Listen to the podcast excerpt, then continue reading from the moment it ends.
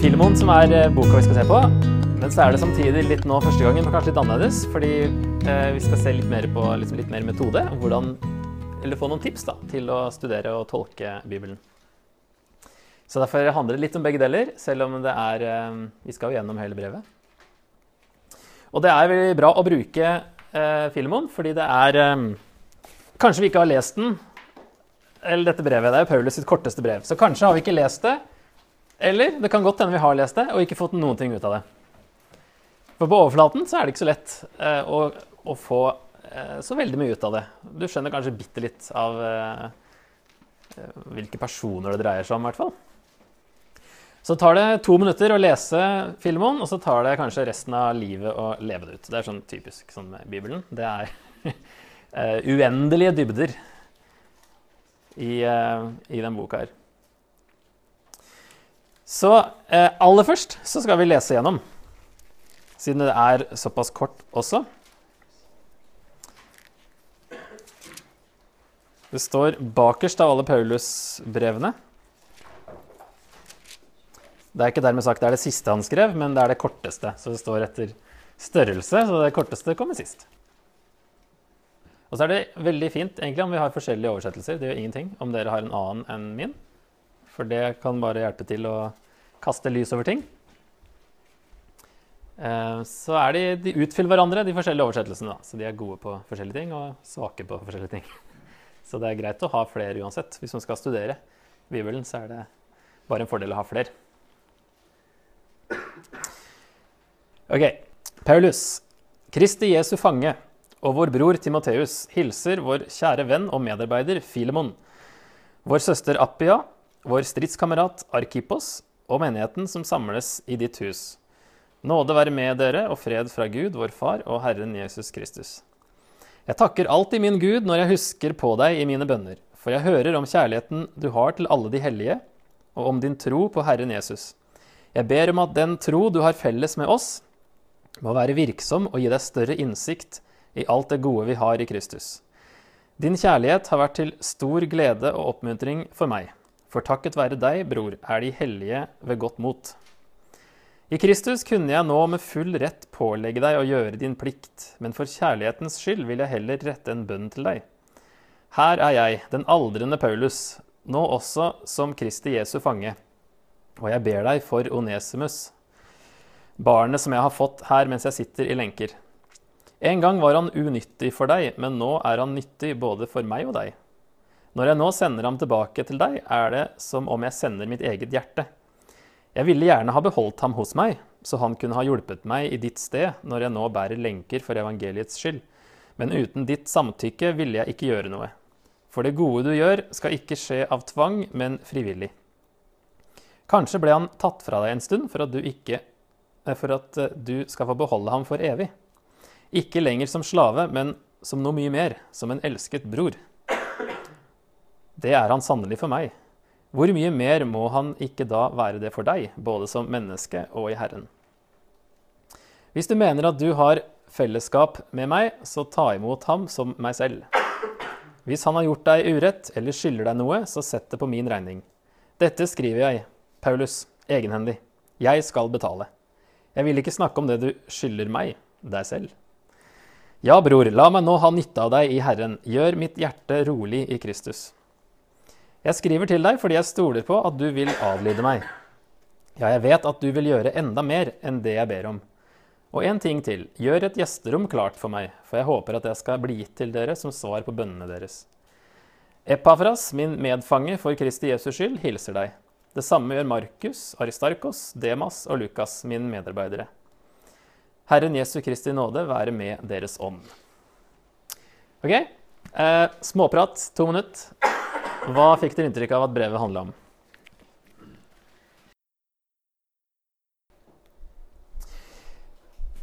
Når det gjelder, Hvis vi skal liksom forstå det brevet her, så er jo det, det er faktisk en del eh, ting å ha litt sånn eh, grunnlag for å, for å komme ordentlig inn i det og forstå hva det handler om. Og da siden eh, trekke ut tidløse sannheter som gjelder for oss i dag.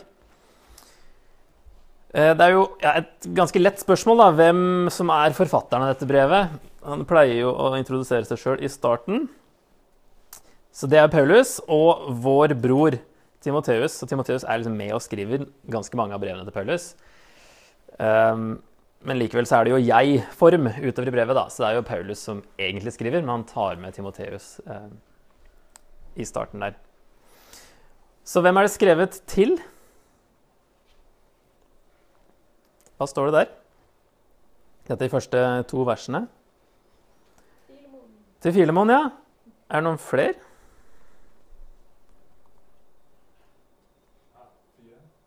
Ja, for Han nevner jo noen flere. Vår søster Appia, vår stridskamerat Arkipos og menigheten som samles i ditt hus. Um, så egentlig, på en måte, så um, så er hele brevet, brevet er jo, altså Det er jo deg, ikke sant? Du og deg, det er Filemon utover i brevet. Men likevel så er, er, det skrevet til noen flere. Vi vet ikke noe, mer, noe særlig mer om disse her. Eh, hvem det var. Det kan ha vært kona hans. Det er vel en ganske gammel tolkning. Eh, og Arkipos kan ha vært en sønn eller en annen som var i menigheten der, da. Men egentlig hele menigheten får dette brevet, selv om eh, det er til Filemon, da. For man leste jo ofte brev, eller som regel leste jo brevene høyt i menigheten. Så det her det er liksom ikke like personlig som Timoteus og Titus-brevene, som er til enkeltpersoner. Det her er fortsatt til en menighet. Litt sånn uh, spesielt. Eh, hvilken menighet, kan vi jo spørre om, da. Og da er det noen som har forslag til hvilken menighet. Det er vanskelig å vite sånn med en gang. Men uh, du kan gå på bibelen.no, f.eks. Eller en annen sånn eh, der du kan eh, søke litt i teksten. Eh, så kan vi jo se da, om f.eks. Filemon er nevnt et annet sted, for det hadde vært interessant om han var.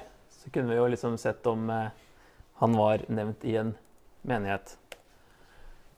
Og da finner vi ingenting. Han nevnes bare her. Så det ga oss ikke så mye. Flere er det som nevnes i starten her? Det er Appia og Arkipos. Vi kan prøve på de. Appia nevnes også bare her. Arkipos. Da får vi et treff i Kolossebrevet. Si til Arkipos. Så han er jo tydeligvis en del av menigheten i Kolossai. Eh, og så er det flere som Vi kan jo faktisk søke på Onesimos også, da, som er liksom en av hovedpersonene her. Onesimos. Han nevnes også i Kolossebrevet. Eh, nå begynner det jo liksom eh, Vi har fått to hint i én retning. Eh, og hvis det går til slutt, så nevner han flere folk her. Eh, Mark, ja, Epafras han er jo i fengsel der. Markus, Aristarkos, Demas og Lukas. Vi kan f.eks. søke på Demas. Han nevnes også der. Og Lukas nevnes også. og eh, Arkipos her nede. Så veldig mange av de navnene går igjen i Kolossebrevet. Så tydeligvis så er dette menigheten i Kolossai, som eh, Filemon er en del av, og som Um, Paulus skriver jo da sannsynligvis brevet til kolosserne samtidig som dette brevet, og at de drar, har med seg flere brev, i hvert fall to. Og uh, siden Onesimus så nevnes i, i kolosserne, og der står det at han, han, er jo der, altså han er til stede. Når, uh, altså han kommer med kolosserbrevet, så han kommer jo faktisk med disse to brevene, han og noen flere, da. Til eh, menigheten, og til, så får Filemon et eget brev. Hvor er Paulus? Sånn eh, tenker ikke først og fremst geografisk i verden, men uh, i hvilken situasjon er Paulus? Fengsel. Ja, fengsel. Han uh, begynte å kalle seg selv for en fange, og han snakker om lenker flere ganger. Og da er det jo to eh, muligheter av de, de, gangene vi vet at han satt i fengsel over en lang stund. Da. Han var sikkert i fengsel mange ganger, andre ganger som ikke er nevnt i apostlenes gjerninger, f.eks. Men vi vet i at han var i fengsel i et par år i Cesarea. Det er apostlenes gjerninger 24-26. Hvis Onesimus nå hadde eh, stukket av, hvis han var en, eh, rømt slave, som det virker som han var, så var Cesarea for liten til å gjemme seg hvis det var det han ville. Som regel så var det det man ville hvis man var en rømt slave. Eh, andre muligheten, da, som nok er den tradisjonelle, er at eh, siste kapittel av Apostelens gjerninger snakker om at Paulus kom til Roma, og han var i fengsel der i to år.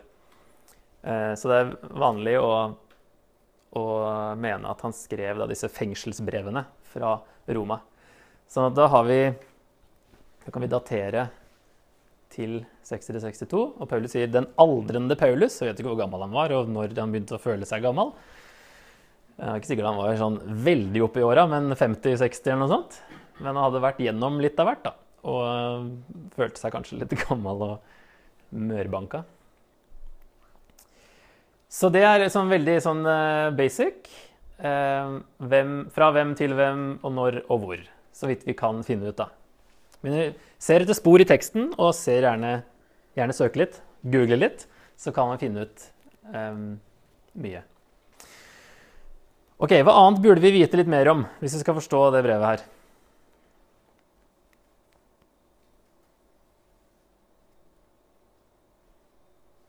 Hva slags tema?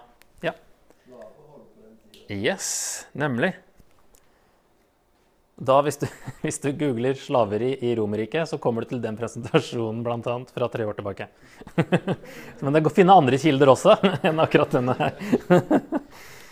Eh, her er det en sånn uh, medaljongsak som uh, man har funnet, som en slave da ville ha rundt halsen. Der det står 'Grip meg dersom jeg skulle prøve å rømme, og send meg tilbake til min herre'. Så rømte slaver det, det skjedde si, at slaver stakk av, og det var um, straffbart, som vi snart kommer til. Du kan finne en del på, bare på Wikipedia, tror jeg, på dette her. Tror jeg det meste her er tatt fra, fra Wikipedia. Slaver spilte en viktig rolle i det romerske samfunnet. Ca. en tredjedel av Roma var slaver, og en femtedel totalt i Romerriket. Så det er jo en veldig fundamental del av samfunnet at det var faktisk så mange slaver. Og at en tredjedel i Roma, antar man. Da, da er det jo ganske integrert del av, av samfunnet. De som eh, ble straffet med slaveri, arbeidet på gårder, i gruver og på møller med brutale levekår. Mange hadde viktige posisjoner hvor spesielle ferdigheter trengtes, som en kontrast da, til det forrige. F.eks. Lærere, regnskapsførere eller leger. De kunne ha eiendeler som egentlig tilhørte herren deres. De kunne tjene sin egen lønn og spare til å kjøpe seg fri. De ble sett på som eiendom og var juridisk ikke personer. Siden de ikke var romerske borgere, kunne de bli fysisk straffet, utnyttet seksuelt, torturert eller henrettet. Men det er viktig å sette seg litt inn i, for vi får assosiasjoner med en gang til slaveri som ikke alltid stemmer med hvordan slaveri var i Romerriket. Det er mange forskjellige typer slaveri opp gjennom historien. Her, Det er ikke det verste i Romerriket, faktisk. Men det er heller ikke så bra som faktisk i Gammeltestamentet. Det Gud, det Gud sier om slaveri i Gammeltestamentet, er eh, faktisk mer humant enn eh, en dette her. Men likevel så er det ikke sånn som eh, Det har ingenting med rase å gjøre, f.eks. Um, og her er det jo mulig å kjøpe seg fri. Kunne ha faktisk Du kunne styre store gods og være ja, regnskapsfører, leger osv. Men du var Du hadde en herre, da. Og straff. Eh, korsfestelse ble mest brukt på slaver, forrædere og røvere. Derfor er det jo Når Jesus blir korsfesta, så er jo det da helt fullstendig tåpelig for en romer å skulle følge han og tilbe han. At han skulle være en helt av noe som helst eh, slag, er jo helt uforståelig. I Gammeltestamentet så er det jo en måte å Hvis du er helt eh, økonomisk bankerott, så, si, så kunne du selge deg sjøl som en slave. da. Men da skulle du bli fri etter eh, seks år. Så det er, det er en sånn siste utvei for å klare deg. Eh, mer det i GT faktisk enn her. Det var forbudt å skjule rømte slaver, og profesjonelle slavefangere ble leid for å spore dem opp.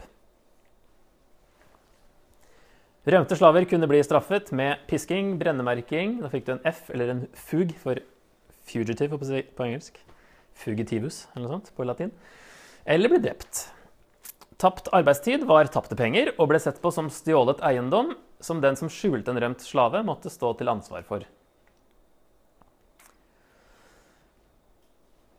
Så det her er eh, Det er ikke bare bare, det som ligger bak det brevet her. Hvis, hvis, det er noe Du får inntrykk av Jeg vet ikke om alle fikk det inntrykket, da, men uh, inntrykk av at Onesimus var slaven til Filemon, sant? som hadde gjort et eller annet, og som nå eh, sendes tilbake av Paulus. Han kommer jo personlig, faktisk, siden han er der i Kolossebrevet. Um, så kommer han personlig og har med seg det brevet her fra Paulus. Så da kan vi gå litt på sjanger. Det er jo et brev. Det er greit. Og brev har eh, sine karakteristikker som vi må være klar over. Det er ikke det vanskeligste å tolke. det er Et brev. Det er verre med andre ting i Bibelen. Et brev har vi litt peiling på eh, hvordan eh, det skal forstås. Men hvis det her er et sånn anbefalingsbrev, da, et følgebrev som Onesimus hadde med seg, så er det jo liksom en sånn underkategori av eh, brev der Paulus da går god for Onesimus. Og eh, retoriske virkemidler bruker de jo en del av Paulus. Bruker mye eh, retorikk når han skriver. Han med vilje bruker det ikke i talene sine, får vi inntrykk av i korinterbrevene, der de anklager ham for å være en dårlig taler. Men Paulus sier at de gjorde det med vilje, for ikke det skulle komme i veien for evangeliet. Men når han skriver, så er det veldig mye retorikk. Og her er det ekstremt mye i dette lille brevet. Det er, eh, det er sånn der du må For oss kan det virke litt som manipulerende av og til, de virkemidlene, de retoriske virk virkemidlene. Men det var det er veldig bra skrevet, det her, da. Du skulle f.eks. unngå provoserende og støtende språkbruk. Nå er det ikke alltid Paulus holder seg til den regelen i andre brev. Han går ganske i strupen på noen eh, ellers og drar ting ganske langt for å få fram et poeng. Men her er han eh, veldig, veldig forsiktig, da. Han skal bruke ordspill for å mykne opp spenningen. Det skal vi se at han gjør faktisk her også. Det er jo for så vidt veldig mye ordspill i Bibelen generelt. Eh, du skal begynne forsiktig og komme gradvis til poenget. Gjerne begynne med litt smisk. Sånn, I de første eh, versene her, fra vers 4, så er det jo litt sånn Litt typisk Paulus, da, med sånn 'Jeg takker alltid min Gud' når jeg ber for dere. eller da, pleier han å skrive til menigheter. Og her er det da veldig mye ros av Filemon, hvor bra han er. Eh, og det var bra. Sånn måtte man gjøre. Og så skulle man appellere til følelser. Det var positivt. Og det tenker vi kanskje ikke er like positivt. Det er jo tatt fra retoriske taler der de hadde eh, Altså brevene til Paulus er strukturert veldig likt retoriske taler som de var oppbygd, med en åpning som da peker framover mot hva talen eller brevet kommer til å handle om, eh, og, eh, og litt sånn underveis, da, sånne ting som det. Ta litt om metode. da, Nå rakk jeg ikke å gjøre ferdig den der veldig fancy sliden som jeg, jeg kom på på vei hit, at den ble jeg ikke helt ferdig med. den her. Så jeg skulle ha et bilde av sånn fint sånn åpen bibel og greier. Men um, det er egentlig bare tre skritt for en sånn veldig grunnleggende bibeltolkning som, som egentlig brukes i alle si, høyskoler og universiteter, og der du lærer eh, bibelfag. Da. Bare at der som regel så stopper man før man kommer til det tredje punktet, der man liksom skal leve det ut sjøl. Det er mye om hva det betyr. Eh, så her er de tre punktene observasjon, tolkning og anvendelse. Hvor observasjon er bare at vi må lese grundig og faktisk få med oss hva som står. Og Derfor er det bra med Filemon, for her vet vi ikke hva som står. Men ofte så har vi en viss formening om hva, eh, hva det handler om og hva, hva, som kommer. Og så kan det hende at vi ikke er helt objektive og misforstår litt, leser ting inn i teksten. Tolkninga er jo da hva det betyr, og da er det spesielt hva betydde det her for Filemon? Hvordan, hvordan, ville han tolke det? Det er jo første skritt. Og så er det jo å ta det videre til hva betyr det i dag med anvendelse. Så for å si det mye enklere, da, så kan vi si at uh, det første er uh, se hva teksten sier. Og så tenk hva det betydde. Og så er det at det skal leves ut, da. Se, tenk, lev. Den er en grei sånn eh, som eh, Veldig forsvarlig metode å tolke Bibelen. Med at du husker på historisk bakgrunn, historisk, eh, hvem det er skrevet til, hvordan de ville forstått det. Det er jo ikke det verste med, med akkurat det brevet her, kanskje, men f.eks. Johans åpenbaring kan du få fullstendig sprikende resultater ut fra om du tenker på de som det var skrevet til, og hvordan de ville forstått det, eller om du går rett til hva betyr dette her nå. Der kan du få veldig forskjellig resultat. Eksempel, da. Hvis du se, bare sånn observere om hovedpersonene Paulus, Filemon og Nesmus. Og så er det litt, litt tenk, litt tolkning i parentes. Men det er ikke så veldig mye. Paulus eh, han vet vi da at han er fange, han er i lenker. Han er blitt gammel, i hvert fall synes han det sjøl. Aldrende. Og så sier han at han har fått Onesimus som sønn i fengselet. Hva betyr det? At han er blitt barnet til Paulus mens Paulus var i fengsel? Han har blitt kristen gjennom Paulus. Ja, det er nok mest sannsynlig det. Det er sånn de pleier å snakke andre steder i Bibelen nå, at uh, Timoteus er sønnen til Paulus og sånne ting. Uh, så Paulus er hans åndelige far, da. Så han har et nært forhold til Unesmus. Det kommer også fram her i, i brevet. Filemon han beskrives i første verset som en venn og medarbeider av Paulus, og de kjenner hverandre. Eller jo, vers 1, ja. Vår kjære venn og medarbeider Filemon.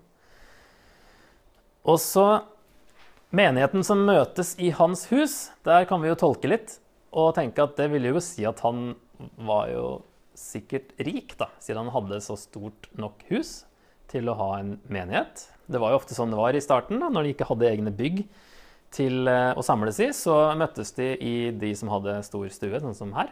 Og da var man eh, som regel litt bedre stilt da, enn gjennomsnittet. Han hadde jo slave, i hvert fall én. Kanskje flere. Så han var eh, trolig rik. Og så sier Paulus at eh, de hellige er ved godt mot takket være ham, sier han i vers 7. Så han er en bra fyr. Han har styrket andre kristne. Og så sier han også at eh, Filemon skylder Paulus seg selv. Ja, 19 der, ja. Jeg vil ikke snakke om det du skylder meg, deg selv. Hva kan det bety?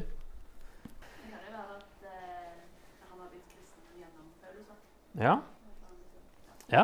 At han skylder jo, han skylder jo hele seg sjøl til Paulus. Um, så det har jeg også tenkt. At uh, han ble kristen gjennom Paulus, han også. Så både Filemon og Nesmus uh, har kommet til tro gjennom Paulus. Og Nesmus han er eh, Filemons slave. Han ble, ble tatt, som Paulus sier, fra Filemon for en stund. Sier ikke noe mer konkret enn det. Han kalles sønn og bror. Han har blitt kristen gjennom Paulus. Og nå kommer han tilbake til Filemon. Så det er eh, sånn grei Bare for å få litt oversikt. Litt eh, basis på plass om disse tre personene. Ok. Første tre versene er liksom introduksjonen, så den har vi på en måte sett på. Her er vers fire til mm, Jeg tror vi gjør sånn først. kan dere se på vers fire til, til eh, 9a? Første halvparten av ni. Um, se på det sammen, og så se Hva sier Paulus i disse versene? Er det noen ord som går igjen? Og hva, hva slags inntrykk får dere av uh, denne åpningen til uh, Eller det han sier om, uh, om Filemon her? Her er vi utheva i hvert fall kjærlighet, kjærlighet. Og så har jeg ikke utøva den, men der står det også kjærlighet. I hvert fall tre ganger her. Um, hva med denne lille 'nå'? Er det noen som har en annen oversettelse? Som har et annet lite ord istedenfor 'nå' i vers 8? Nok. Å ja. Kunne okay. nok. Det kunne nok. Ok. Er det noen som har noe annet enn det? Noen som har Bibelen Guds ord, f.eks.? Ja, ja, hva står det? Det er på måte hele setninga litt Ja. annerledes. da, men Derfor, selv om jeg i Kristus med stor frimodighet kunne pålegge deg å gjøre det som er din plikt. Derfor begynner han med. Der er jo en tydelig link bakover. Bla, bla, bla, kjærlighet, bla, bla, bla, kjærlighet. Derfor. Hvorfor? På grunn av kjærligheten som han vet at Filemon har, og han har vist mange ganger, og takket være deg, bror, er de hellige ved godt mot. Derfor kunne jeg nå, med full rett, i Kristus Altså står vel noe med frimod, eller frimodighet, kanskje? Han er frimodig Selv, derfor, selv om jeg er Kristus med stor frimodighet kunne Ja. pålegge deg å gjøre det som er plikt. Ja, nemlig. Så han har en slags frimodighet i Kristus til å kunne pålegge Filemon å gjøre din plikt. Men for kjærlighetens skyld, på grunn av alt det han vet om Filemon, så vil han heller gå en annen vei enn å bare pålegge, kanskje som en apostel, kanskje fordi han var hans åndelige far, osv. Eh, så gjør han da gjør noe annet i stedet. Eh, og her er det med romersk lov som spiller litt inn, da. Fordi her Paulus egentlig gjennom hele brevet så balanserer han veldig sånn hårfint mellom romersk lov og de rettighetene som eh, Filemon faktisk har ut fra loven. Ehm, og da den kristne lov. Kristne, kristen etikk. Der han nå, kunne jo rett ut bare befale liksom, Filemon egentlig at du må oppføre deg som en kristen, derfor må du gjøre sånn og sånn.